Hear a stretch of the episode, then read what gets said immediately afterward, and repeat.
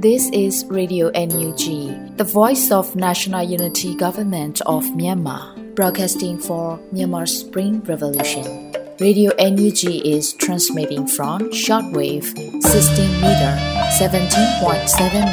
MHz at 8:30 a.m. and 25 meter 11.94 MHz at 8:30 p.m. Myanmar Standard Time.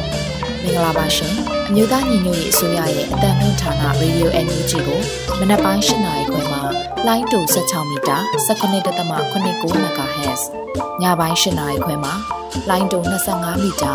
17.6 MHz တို့မှာဓာတ်ရိုက်ဖမ်းယူနိုင်စေနိုင်ပါရှင်။မင်္ဂလာအပေါင်းနဲ့ပြည့်စုံကြပါစေ။အခုချိန်ကစပြီး Radio NUG အစီအစဉ်လေးကိုဓာတ်ရိုက်အတံလွှင့်ပေးနေပါပြီရှင်။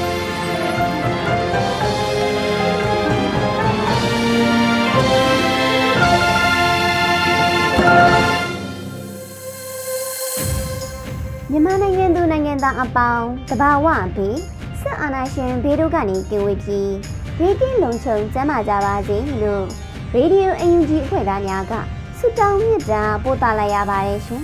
ပထမဆုံးအနေနဲ့ရေဒီယိုအယူဂျီရဲ့နောက်ဆုံးရသတင်းများကိုလွတ်လပ်နေဦးမှဖတ်ကြားတင်ဆက်ပေးပါမယ်ရှင်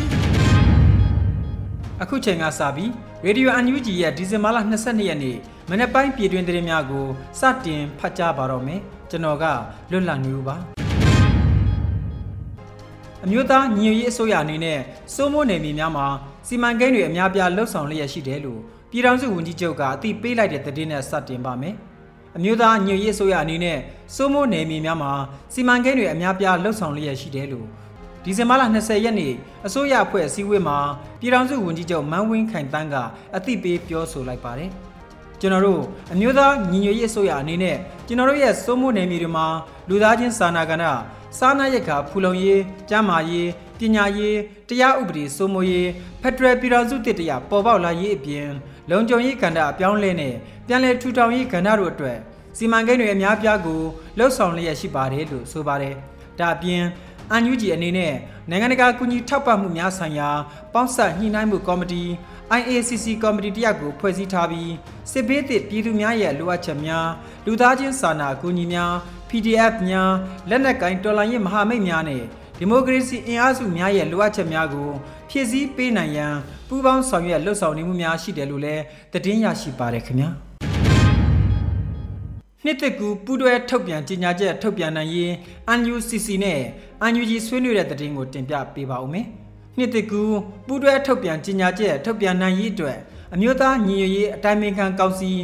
UNCC နဲ့အမျိုးသားညီညွတ်ရေးဆိုရ UNG တို့2022ခုနှစ်ဒီဇင်ဘာလ22ရက်နေ့နေ့လယ်တနင်္လာရီတွင်တွေ့ဆုံညှိနှိုင်းဆွေးနွေးခဲ့ကြပါတယ်။တွေ့ဆုံဆွေးနွေးပွဲသို့ UNG မှယာယီသမ္မတဒူဝါလက်ရှိလာပြည်ထောင်စုဝန်ကြီးချုပ်မန်းဝင်းခိုင်တန်းနဲ့ပြည်ထောင်စုဝန်ကြီးများတက်ရောက်ခဲ့ကြပြီး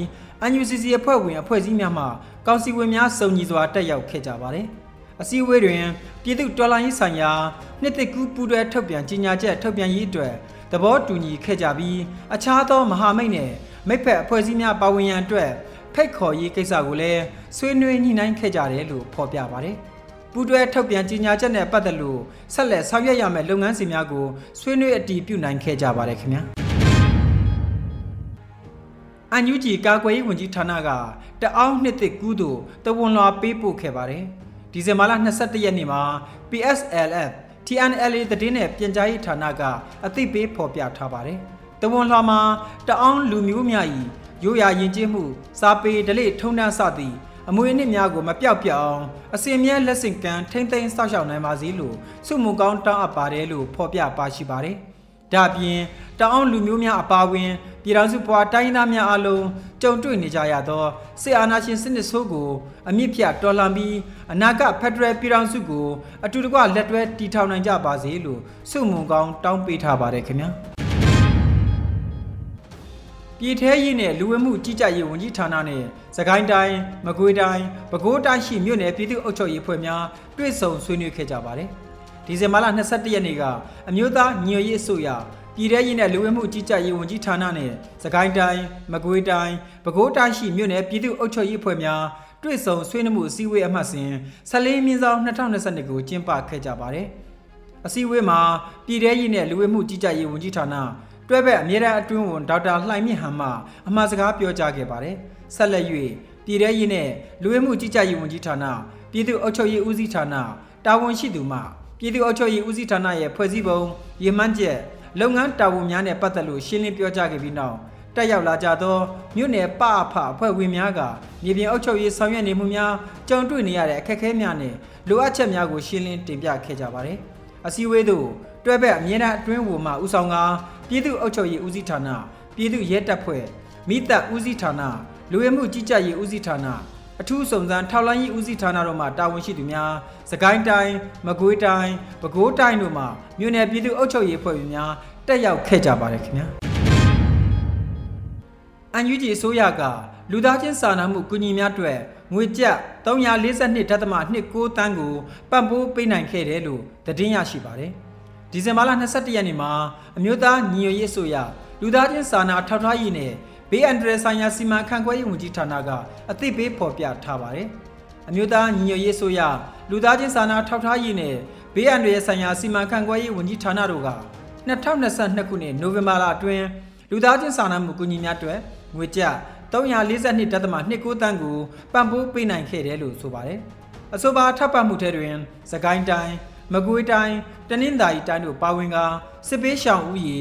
9,910ဦးတို့ကိုပံ့ပိုးပေးခဲ့တာဖြစ်ပါတယ်။အာနာသိန်းအကြမ်းဖက်စစ်တပ်ရဲ့မိရှို့ဖျက်ဆီးမှုတံကိုခံနေကြရသောပြည်သူများထိုးစစ်ဆင်တိုက်ခိုက်မှုများကြောင့်ဘေးလွတ်မယ်လို့ထင်သောနေရာများသို့ထွက်ပြေးခိုလုံနေကြတဲ့ပြည်သူများတော်လိုင်းရင်၌ပါဝင်ရင်းထိခိုက်ဒဏ်ရာရရှိခဲ့သူများနဲ့အသက်ဆုံးရှုံးခဲ့ရသူများရဲ့မိသားစုဝင်များအကူအညီလိုအပ်နေသောမတန်ဆွမ်းပြည်သူများအပါအဝင် ထိခိုက်လွယ်အုပ်စုများနိုင်ငံရေးအကျဉ်းသားများနဲ့အကြောင်းကိစ္စအမျိုးမျိုးကြောင့် လူသားချင်းစာနာမှုကူညီလိုအပ်နေသူများကိုအမျိုးသားညွရေးဆိုရလူသားချင်းစာနာထောက်ထားရေးနဲ့ဘေးအန္တရာယ်ဆိုင်ရာစီမံခန့်ခွဲရေးဝန်ကြီးဌာနကမိဖက်အသီးသီးနဲ့လက်တွဲချိတ်ဆက်၍အတက်နိုင်ဆုံးမြေပြင်အထိရအောင်စ조사ပံ့ပိုးကူညီပေးလျက်ရှိတယ်လို့သတင်းရရှိပါတယ်ခင်ဗျာနိုဝင်ဘာလကုန်ထိအကြမ်းဖက်စစ်အုပ်စုရဲ့မတရားချက်ပိတ်သိမ်းဆည်းခြင်းခံရတဲ့နေအိမ်အဆောက်အုံအရေအတွက်စုစုပေါင်း900ထက်မနည်းရှိလာတယ်လို့သတင်းရရှိပါတယ်။ ဆီအာနာသိမ်းပြီးချိန်မှာ2022ခုနှစ်နိုဝင်ဘာလကုန်ထိအကြမ်းဖက်စစ်အုပ်စုရဲ့မတရားချိတ်ပိတ်သိမ်းဆည်းခြင်းခံရသည့်နေအိမ်အဆောက်အုံအရေအတွက်စုစုပေါင်း900ထက်မနည်းရှိခဲ့တယ်လို့ AAPP စည်းရင်းများကဖော်ပြထားပါတယ်။အကြမ်းဖက်စစ်တပ်နဲ့လက်အောက်ခံအဖွဲ့အစည်းများဟာချက်ပိတ်ထားတဲ့နေအိမ်များမှာပစ္စည်းများကိုခိုးယူတည်ဆောင်မှုတို့ရှိနေခဲ့ပါတယ်။ဒါပြင်အမျိုးသားဒီမိုကရေစီအဖွဲ့ချုပ်ပါတီလွှတ်တော်ကိုယ်စားလှယ်119ဦးအပါအဝင် ပါတီဝင်224ဦးတို့ရဲ့နေအိမ်များနဲ့ပိုင်ဆိုင်မှုများကိုအကြောင်းအမျိုးမျိုးပြဝရန်ကအချိတ်ပိတ်သိမ်းဆည်းခဲ့မှုများလည်းရှိနေတယ်လို့သိရှိရပါတယ်ခင်ဗျာမန္တလေးမြို့မှာမြတ်နန္ဒာစစ်စင်ရေးအတွက်နန်းတော်ရစံပြကွက်တဲ့ဓမာယုံကင်းတဲ့နဲ့စက်မှုနယ်မြေရဲစခန်းရှိဘန်ကာကိုဘုံပြစ်တိုက်ခိုက်နိုင်ခဲ့တယ်လို့သတင်းရရှိပါတယ်။ဒီဇင်ဘာလ22ရက်နေ့အမရပူရမြို့နယ်နန်းတော်ရစံပြကွက်တဲ့ဓမာယုံကင်းတဲ့ကို နေ့လယ်2နာရီအချိန်စက်မှုရဲစခန်းကိုနေ့လယ်2နာရီ45မိနစ်အချိန်တို့မှာတော်လိုင်းရင်အင်အားစုတို့ကဘုံပြစ်တိုက်ခိုက်နိုင်ခဲ့ကြပါတယ်။အဆိုပါတိုက်ခိုက်မှုတွင်စက်မှုနယ်မြေရဲစခန်းရှိဘန်ကာတောက်တဲ့ဘုံကျခဲ့ပြီးခွေးရှိပါကသေနိုင်ရာရဲစခန်းတွင်မှတနတ်6ချက်ပြန်လည်ပစ်ခတ်ခဲ့ပြီးရဲဘော်များထိခိုက်မှုမရှိဆုတ်ခွာနိုင်ခဲ့တယ်လို့သတင်းရရှိပါတယ်။အလားတူနန်းတော်ရစံပြကွက်တဲ့ဓမာယုံကင်းတဲကိုဖုံးပစ်ရာတွင် စစ်ကောင်စီတပ်ကတအူးနေရာမှာတွင်လဲကျသွားခဲ့တယ်လို့သတင်းရရှိပါတယ်ခင်ဗျာ။ဒဇယ်မြို့နယ်မှာအင်အားရာနဲ့ချီတဲ့စစ်ကောင်စီတပ်နဲ့ပြည်များမိရှို့ဖျက်ဆီး၍ကြေးရွာများမှလူနေအိမ်နဲ့စာတင်ကျောင်းများမိလောင်ဆုံးရှုံးခဲ့ကြပါတယ်။ဒီဇင်ဘာလ22ရက်နေ့မှာမီလောင်ဆုံးရှုံးမှုနဲ့ပတ်သက်လို့ TSO ဒဇယ်ကအခုလိုအသိပေးဖော်ပြထားပါတယ်။ဒဇယ်မြို့နယ်တွင်အင်အား130ကျော်ပါစစ်ကောင်စီတပ်နဲ့ပြူများရဲ့မိရှုဖျက်ဆီးမှုကြောင့်ဒီဇင်ဘာလ20ရက်နေ့တွင် ငတန်းကြီးရွာမှလူနေအိမ်များနဲ့စာတင်ကျောင်းဒီဇင်ဘာလ22ရက်နေ့တွင်ချွေလန်ကြီးရွာမှလူနေအိမ်များနဲ့စာတင်ကျောင်းတို့မိလောင်ဆုံးရှုံးခဲ့တယ်လို့ဖော်ပြထားပါတယ်။ဒါပြင်ကလစင်ကြီးရွာတွင်လူနေအိမ်များနဲ့စာတင်ကျောင်းများမိလောင်ဆုံးရှုံးခဲ့ပြီးအလုံးအရေအတွက်ကိုအတည်ပြုစုံစမ်းနေဆဲဖြစ်ပါတယ်ခင်ဗျာပခောက်ကူမြို့နယ်ကမ္မမြို့ရဲစခန်းယနေ့ပြစ်ခတ်ခံရ၍ရဲနှဦးသေဆုံးသွားပါတယ် ဒီဇင်ဘာလ22ရက်နေ့နနက်8:30မိနစ်ကအချိန်တွင် ပခောက်ကူမြို့နယ်ပြည်သူ့ကာကွယ်ရေးတပ်ဖွဲ့ PPTF ရဲဘော်များကပြစ်ခတ်တိုက်ခိုက်ခဲ့တယ်လို့အတည်ပြုပြောဆိုထားပါတယ်ဒီဇင်ဘာလ22ရက်နေ့နနက်8:30မိနစ်အချိန်တွင်ပခောက်ကူမြို့နယ်ပြည်သူ့ကာကွယ်တပ်ဖွဲ့ PPDF ရဲဘော်များသည်ပခောက်ကူမြို့နယ်ကမ္မမြို့ရဲစခန်းအားတွားရောက်ပစ်ခတ်တိုက်ခတ်ခဲ့ပါတယ်လို့ဆိုပါတယ်။ကမ္မမြို့နယ်ပြည်သူများအားဆက်ကြီးကောက် ဖိနှိပ်နိုင်ကျင့်နေသောကမ္မရဲစခန်းမှရဲနှဦးနေရာတွင်တေဆုံးကသုံးဦးပြင်းထန်စွာဒဏ်ရာရရှိခဲ့တယ်လို့ဖော်ပြပါတယ်။ပခောက်ကူ People Defense Force PPDF ရဲဘော်တူမစိုးရိမ်ရဒဏ်ရာရရှိခဲ့ပြီးကြံရဲဘော်များအောင်မြင်စွာဆက်ခွာနိုင်ခဲ့တယ်လို့သိရှိရပါတယ်ခင်ဗျာ။ The Youth Force စောအန်ကြောက်ထုတပ်ဖွဲ့ကိုကာကွယ်ရေးဝန်ကြီးဌာနကကံကောခရိုင်အမှတ်73တပ်ရင်းဖြစ်အသိမှပြုလိုက်တယ်လို့သတင်းရရှိပါတယ်။ ဒီဇင်ဘာလ22ရက်နေ့မှာ The Youth Force စောအန်ကြောက်ထုတပ်ဖွဲ့ကပြည်သူများကိုအသိပေးကြေညာလိုက်ပါတယ်။ The Youth Force စောအန်ကြောက်ထုဟာအမျိုးသားညွရေးဆိုရကာကွယ်ရေးဝန်ကြီးဌာနရဲ့ကံကောခရိုင်အမှတ်73တပ်ရင်းဖြစ်အသိမှပြုရရှိထားပြီးဖြစ်တယ်လို့သတင်းမှာဖော်ပြထားပါတယ်။ The UFO စောအန်ကြောက်ထုအနေဖြင့်အမျိုးသားညွရေးအစိုးရကာကွယ်ရေးဝန်ကြီးဌာနရဲ့အဆင့်ဆင့်ကုတ်ကဲမှုများကိုခံယူ၍စစ်အာဏာရှင်အမြင့်ပြတ်သည့်အထိဆက်လက်တိုက်ပွဲဝင်သွားမယ်လို့ ဂန်ကောခရိုင်အမှတ်73တပ်ရင်း TYF ကသတင်းဖော်ပြထားပါတယ်ခင်ဗျာတောတာရှင်များခင်ဗျာအခုတင်ပြပေးခဲ့တဲ့သတင်းတွေကို Radio UNG သတင်းတောင်မင်းမင်းကပေးပို့တာဖြစ်ပါတယ်ခင်ဗျာ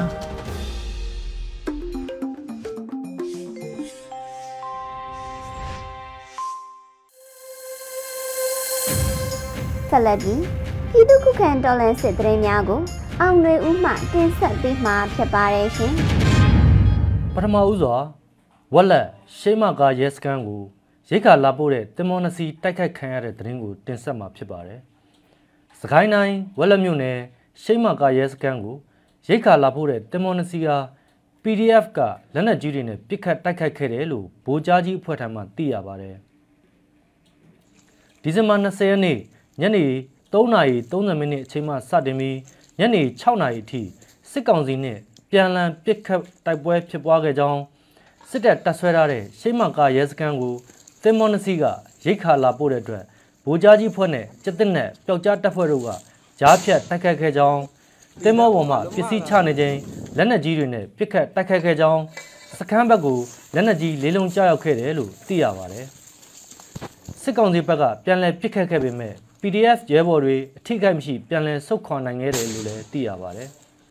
မုံရွာမြို့ပေါ်မှာတိုက်ခိုက်ခံရလို့တေဆုံးဒဏ်ရာရခဲ့တဲ့ရဲနှုတ်ကိုလာတဲ့တဲ့ကားမိုင်းဆွဲတိုက်ခိုက်ခံရတဲ့သတင်းကိုဆက်လက်တင်ဆက်ပါမယ်။ဒီဇင်ဘာ20ရက်နေ့ညနေ4:56မိနစ်အချိန်မုံရွာမြို့ပေါ်မှာတိုက်ခိုက်ခံရခဲ့မှုကြောင့်တေဆုံးခဲ့တဲ့ရဲတဦးနဲ့ဒဏ်ရာရခဲ့တဲ့ရဲနှုတ်ကိုလာတဲ့တဲ့ကားအားမုံရွာမန္တလေးလမ်းမကြီးရဲ့မုံရွာချောင်းလမ်းမိုင်းတနေရာမှာ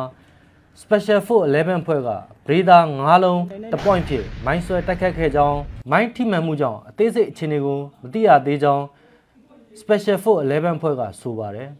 ။စကိုင်းတိုင်းမွေရွာမြို့ပေါ်မှာဈေးဝယ်ထွက်လာတဲ့ရဲသုံးကိုပြစ်ခတ်တိုက်ခတ်မှုတဦးသေဆုံးပြီးနှစ်ဦးဒဏ်ရာတွေနဲ့တုတ်ချေတင်ထွက်ပြေးသွားပြီးတနက်တလက်ကိုမမကြီး15တောင်ကြီးဘောတစ်ခုတို့ကိုတင်းစီရမိခဲ့တာဖြစ်ပါတယ်။ KNU တပ်မဟာ9နယ်မြေမှာ ဒီဇင်ဘာလဝက်အတွင်းစစ်သား22ဦးသေဆုံးပြီးဒူရင်မှုအပါအဝင်15ဦးဒဏ်ရာရရှိခဲ့တဲ့သတင်းကိုတင်ဆက်ပါမယ်။ KNU နယ် KNU KNL တပ်မဟာ9နယ်မြေမှာဒီဇင်ဘာလ1ရက်နေ့ကနေ15ရက်နေ့အတွင်းအကြမ်းဖက်စစ်သား22ဦးသေဆုံးပြီးဒူရင်မှု2ဦးပါဝင်15ဦးဒဏ်ရာရရှိခဲ့ကြောင်း KNU မူထရသတင်းထုတ်ပြန်ချက်အရသိရပါတယ်။ကရင်မျိုးသားစီယုံ KNU လောက်ခံမူတော်ခရိုင်အမှတ်9တပ်မဟာထိန်းချုပ်နယ်မြေတွင်းမှာ KNL တပ်ဖွဲ့နဲ့အကြမ်းဖက်စစ်ကောင်စီတပ်အပါအဝင်၎င်းလက်အောက်ခံ BGF ပူးပေါင်းတို့ကြားတိုက်ပွဲပေါင်း88ကြိမ်ဖြစ်ပွားခဲ့ပြီးအကြမ်းဖက်စစ်သား22ဦးသေဆုံးကဒူရင်မှု2ဦးပါဝင်15ဦးဒဏ်ရာရရှိခဲ့ကအကြမ်းဖက်စစ်ကောင်စီစခန်းတွင်းရှိအဆောက်အုံ9ဆောင်ကိုဖျက်ဆီးနိုင်ခဲ့တယ်လို့ထုတ်ပြန်ထားတာပါ။နောက်ဆုံးအနေနဲ့နေပြည်တော်ဥတ္တရတီ V4 လမ်းဆောင်ရှိ စစ်စေးဂိတ်ကိုဘုံနဲ့တိုက်ခိုက်ခဲ့တဲ့တဲ့ရင်ကိုဆက်လက်တင်ဆက်သွားမှာဖြစ်ပါတယ်။နေပြည်တော်ဥတ္တရတီမြို့နယ်ရွှေနတာရက်ကွက် V4 လမ်းဆောင်ရှိ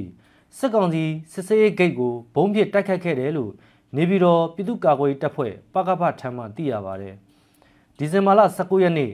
10:30မိနစ်30အချိန်တွင်ဥတ္တရတီမြို့နယ်ရွှေနတာရက်ကွက် V4 လမ်းဆောင်စစ်စေးဂိတ်ကိုနေပြည်တော်ပြည်သူ့ကာကွယ်တပ်ဖွဲ့ပကဖကလက်ပစ်ဖုံးနဲ့တိုက်ခတ်ခဲ့ကြောင်း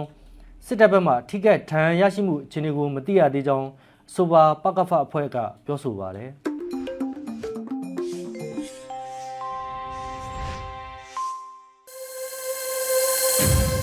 ဆက်လက်ပြီးတော်လရင်ဤပညာကဏ္ဍမှာမိုဘိုင်းဖုန်းလုံခြုံရေးအကြောင်းကိုတင်ဆက်ပေးမှာဖြစ်ပါတယ်ရှင်။မိုဘိုင်းဖုန်းလုံခြုံရေးကဘာကြောင့်အရေးကြီးလဲ။တစုံတစ်ယောက်ကမိမိဖုန်းကိုရသွားတယ်လို့စိတ်ကူးကြည့်ရအောင်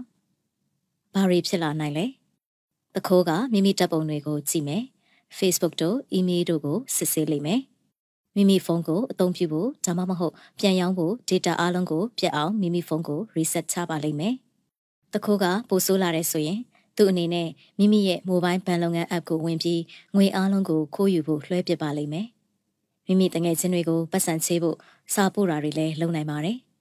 ဒီထက်ပိုအန်ရရှိမယ်ဆိုရင်မိမိ email ကိုသုံးလိုက်တာနဲ့စကားဝတ်တွေပြောင်းပြပြီးအကောင့်တွေကိုလော့ချနိုင်တယ်။ပြီးရင်မိမိကိုငွေညှစ်တာမျိုးလုပ်နိုင်ပါတယ်။ဒီဖြစ်နိုင်ခြေရှိတဲ့ပြဿနာတွေအားလုံးကမိုဘိုင်းဖုန်းလုံခြုံရေးဆိုတာမိမိအိမ်လုံခြုံရေးလိုပဲအရေးကြီးဆောင်ပြသနေပါတယ်။မိမိတို့နေတဲ့အိမ်ကိုတကားတော့ခတ်ပြီးအဝင်တကားအတားအဆီးတွေနဲ့လုံခြုံစေခဲ့တယ်လို့မိုဘိုင်းဖုန်းတွေကိုလည်းလုံခြုံအောင်ထားသင့်ပါတယ်။ ဒီဗီဒီယိုမှာမိုဘိုင်းဖုန်းအသုံးပြုသူတိုင်းတက်ဆင်လှုပ်ဆောင်တဲ့အချက်၃ချက်ကိုမျှဝေပေးပါမယ်။မျက်နှာပြင် lock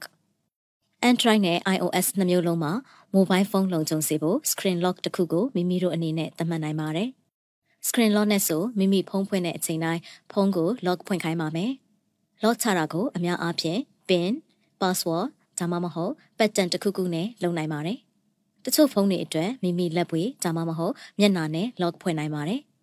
ပထမအချိန်မှာအဆင်မပြေသလိုခံစားရနိုင်ပေမဲ့နောက်ပိုင်းမှာဘာမှမစင်စားပဲအလွယ်တကူလုပ်နိုင်သွားပါလိမ့်မယ်။ screen lock ကမိမိအဝေးရောက်နေချိန်ဒါမှမဟုတ်ဖုန်းပျောက်ဆုံးသွားတဲ့အခါတစုံတစ်ယောက်ကမိမိဖုန်းကိုဝင်ရောက်ကြည့်ရှုခြင်းကနေတားဆီးနိုင်ပါတယ်။ဖုန်းရဲ့ setting ထဲမှာလုံခြုံရေးခလုတ်ကိုနှိပ်ပါ။တော့အမျိုးအစားကို pin password ဒါမှမဟုတ် pattern မှာတစ်ခုခုကိုရွေးချယ်ပါပင်နံပါတ်ဆိုတာက7834ဒါမှမဟုတ် 307845လိုမျိုးနံပါတ်ကုတ်တစ်ခုဖြစ်တယ်မိမိမှတ်မိမဲ့နံပါတ်ဖြစ်ရမယ်ဆိုပေမဲ့မိမိမွေးနေ့ဒါမှမဟုတ်ဖုန်းနံပါတ်ကိုအသုံးမပြုပါနဲ့စကားဝတ်ဆိုတာ289 catmic လိုမျိုးနံပါတ်တွေနဲ့စာလုံးတွေပေါင်းစပ်ထားတာဖြစ်တယ် pattern ဆိုတာကတော့မိမိလက်ချောင်းနဲ့ရေးဆွဲရတဲ့ပုံစံဖြစ်တယ်ဒီအတွက်ရိုးရှင်းတဲ့ပုံတွေထားတာမျိုးကိုရှောင်ကျဉ်ပါ ဘာလို့လဲဆိုတော့ပတ်သက်အမျိုးအစားအတွက်မိမိဖုန်းပေါ်ကလက်ချောင်းရာတွေကိုကြည့်လိုက်တာနဲ့တခြားလူတွေကခံမှန်းနိုင်ပါတယ်ငါဖုန်းကိုရှာပါနောက်အရေးကြီးတဲ့လှုပ်ဆောင်ချက်မှာ Google မှာ Find My Device ငါဖုန်းကိုရှာပါ app ကိုထည့်သွင်းဖို့ဖြစ်တယ်ဒီ app ကမိမိတို့အနေနဲ့ဖုန်းပြောက်သွားရင်ဒါမှမဟုတ်အခိုးခံရရင် Android ရှိရာနေရာကိုရှာဖွေဖို့ကူညီပေးပါလိမ့်မယ်မိမိဖုန်းမှာရှိတဲ့ data အားလုံးကိုအဝေးမှလည်းဖြတ်နိုင်မှာဖြစ်တယ်ထည့်သွင်းဖို့ Play Store မှာ Find My Device ကိုရှာပါ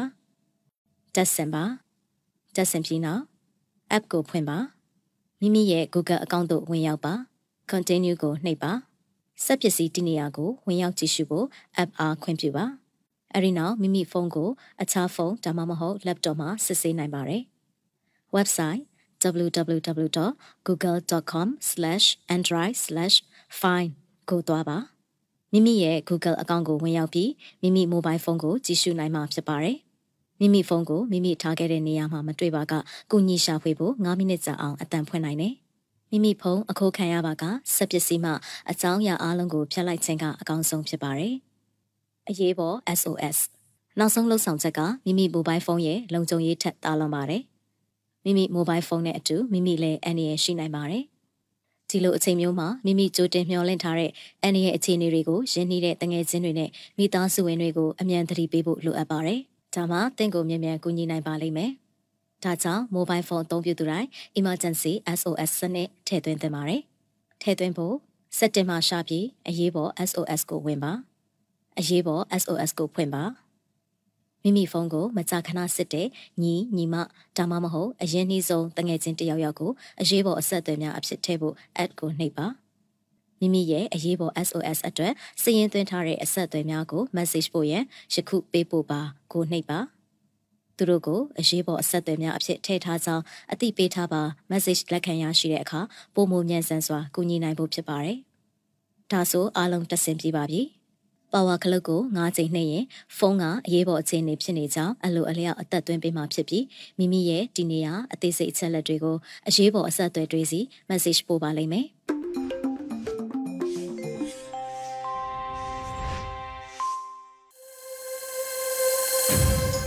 ရေဒီယိုအယူဂျီမှဆက်လက်တမ်းလွှင့်နေပါတယ်။ယခုတပံတေးရီစလိုင်းထန်ကီ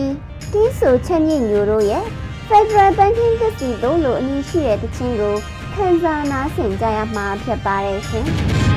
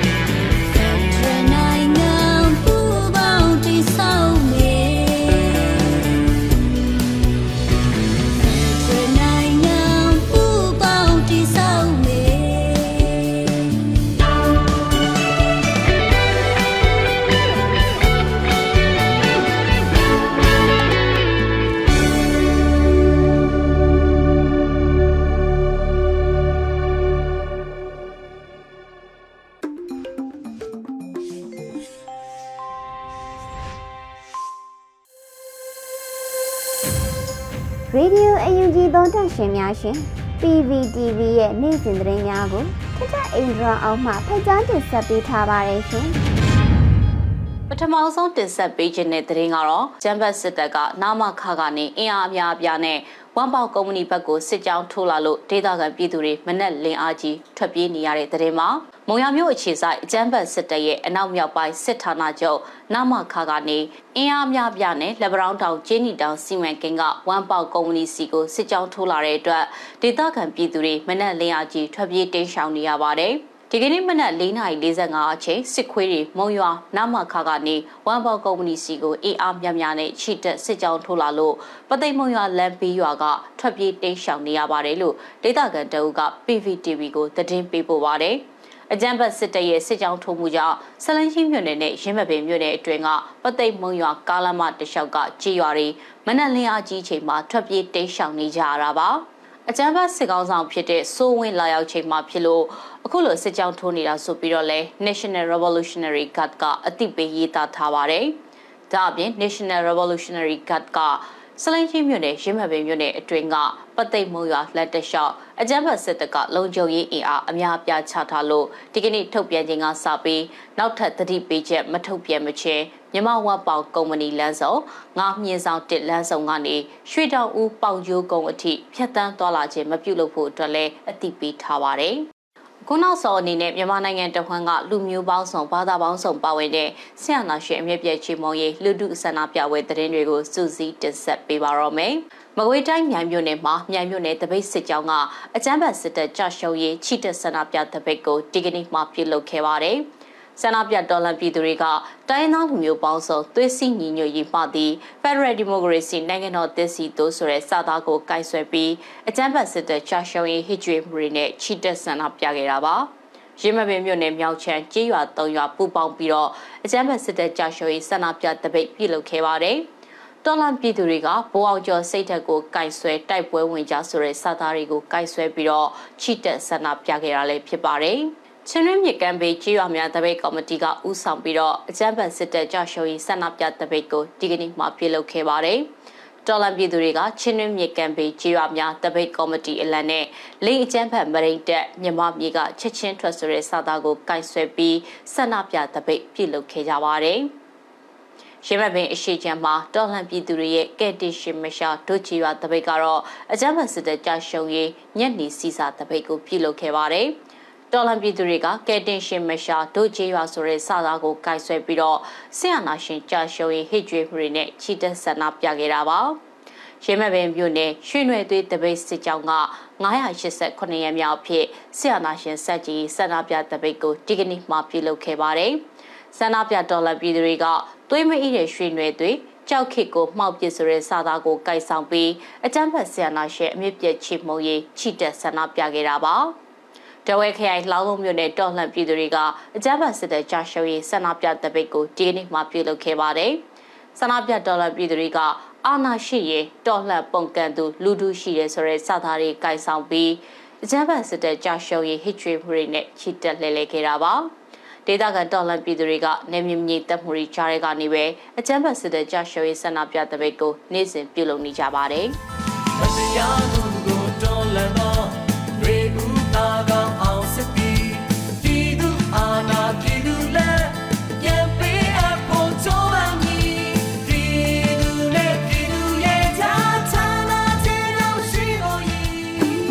ကနေ့ကတော့ဒီညနဲ့ပဲ Radio NUG ရဲ့အစီအစဉ်လေးကိုခਿੱတရနာလိုက်ပါမယ်ရှင်မြန်မာစံတော်ချိန်မနက်၈နာရီခွဲနဲ့ည၈နာရီခွဲအချိန်တွေမှာပြန်လည်ဆုံတွေ့ကြပါစို့ Radio NUG ကိုမနက်ပိုင်း၈နာရီခွဲမှာလိုင်းတူ16မီတာ19.89 MHz ညပိုင်း8နာရီခွဲမှာလိုင်းတူ25မီတာ17.6 MHz တို့မှာဓာတ်ရိုက်ဖမ်းလို့နားဆင်နိုင်ပါပြီ။ မြန်မာနိုင်ငံသူနိုင်ငံသားတွေကိုစိတ်နှပြစမ်းမချမ်း